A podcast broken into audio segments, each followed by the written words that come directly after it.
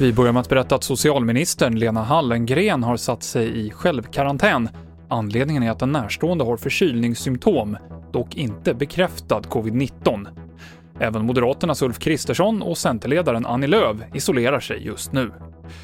Ännu fler regioner kommer att införa lokala råd för att hejda smittspridning. Västerbotten, Norrbotten, Kalmar och Blekinge förväntas alla komma med allmänna råd idag.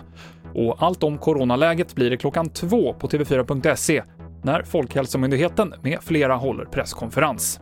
Och det är även coronakaos i det danska fotbollslandslaget inför matchen mot Sverige imorgon. En spelare har testat positivt och ytterligare åtta har isolerats på sina rum, men allt tyder på att man kommer kalla in fler spelare så att matchen ändå blir av.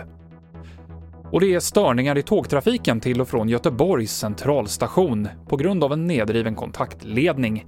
Det här leder till förseningar och inställda avgångar och påverkar både lokaltrafik och tåg mellan Göteborg och Stockholm och Göteborg och Karlstad.